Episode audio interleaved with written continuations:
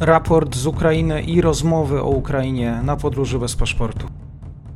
Dzień dobry Państwu, dzień dobry wszystkim słuchaczom. Dzisiaj wieści na gorąco. Ze mną jest Adam Śpierkowski z redakcji Defense24. Dzień dobry, bardzo mi miło. Dzień dobry, witam serdecznie.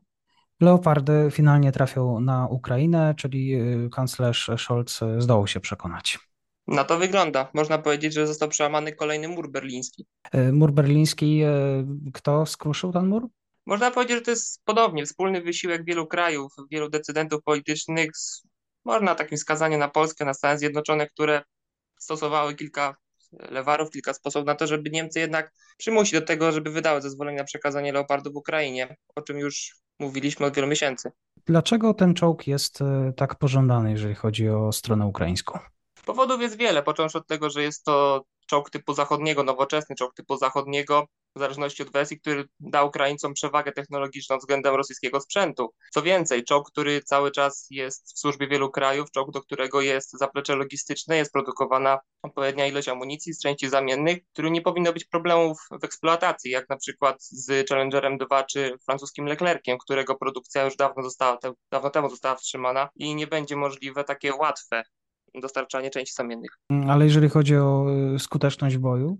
No, patrz, jeżeli spojrzymy na wersje, które potencjalnie pójdą, począwszy od wersji A4 poprzez wersję A5, teraz Niemcy zadeklarowały, że przekażą kompanię w wersji A6. To jest to obecnie jeden z najlepszych czołgów dostępnych, można powiedzieć, pod ręką, który posiada bardzo dobrą e, siłę ognia, wystarczającą mobilność, dobre przednie opancerzenie oraz co więcej może pozwolić na zyskanie przewagi na danym odcinku frontu. Tak naprawdę Rosjanie nie mają no, za bardzo czym przeciwstawić się w tej kwestii, no może poza T-90M.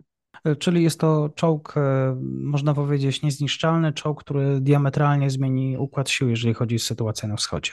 No, fajnie by było, jakby to czołg niezniszczalny. Niestety takich jeszcze nie wynaleziono i pewnie nigdy się nie, to nie uda.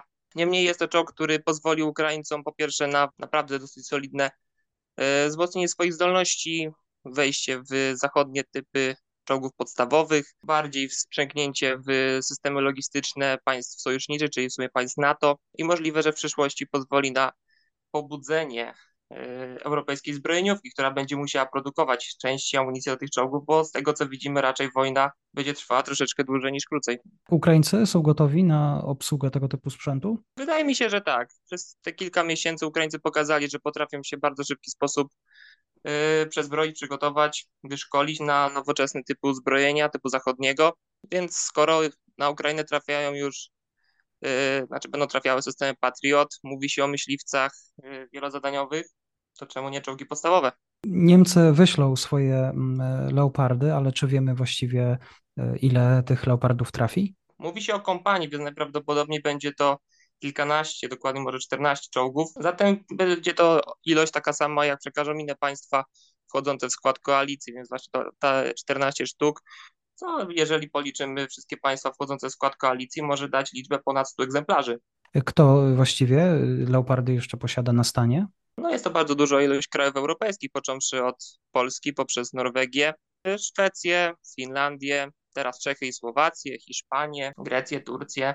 No i teraz od jakiegoś czasu powoli Węgrzy uzbrajają się, znaczy od paru lat się uzbrajają w ten typ uzbrojenia. Prawdopodobnie zatem 14 wozów od Niemiec, e, właśnie Niemcy przekażą Ukrainie kompanię czołgów Leopard. E, jaki termin, e, to znaczy kiedy właściwie te czołgi pojawią się na froncie, gdyby tak można zadać pytanie?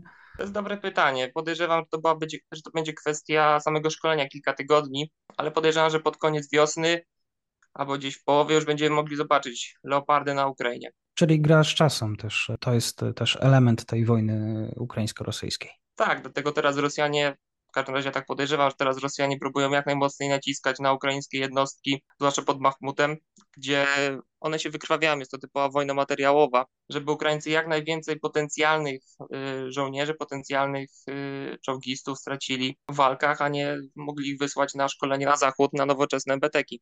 Bardzo dziękuję za ten komentarz. Na gorąco Adam Świerkowski, y, Defense 24. Do usłyszenia. Dziękuję bardzo.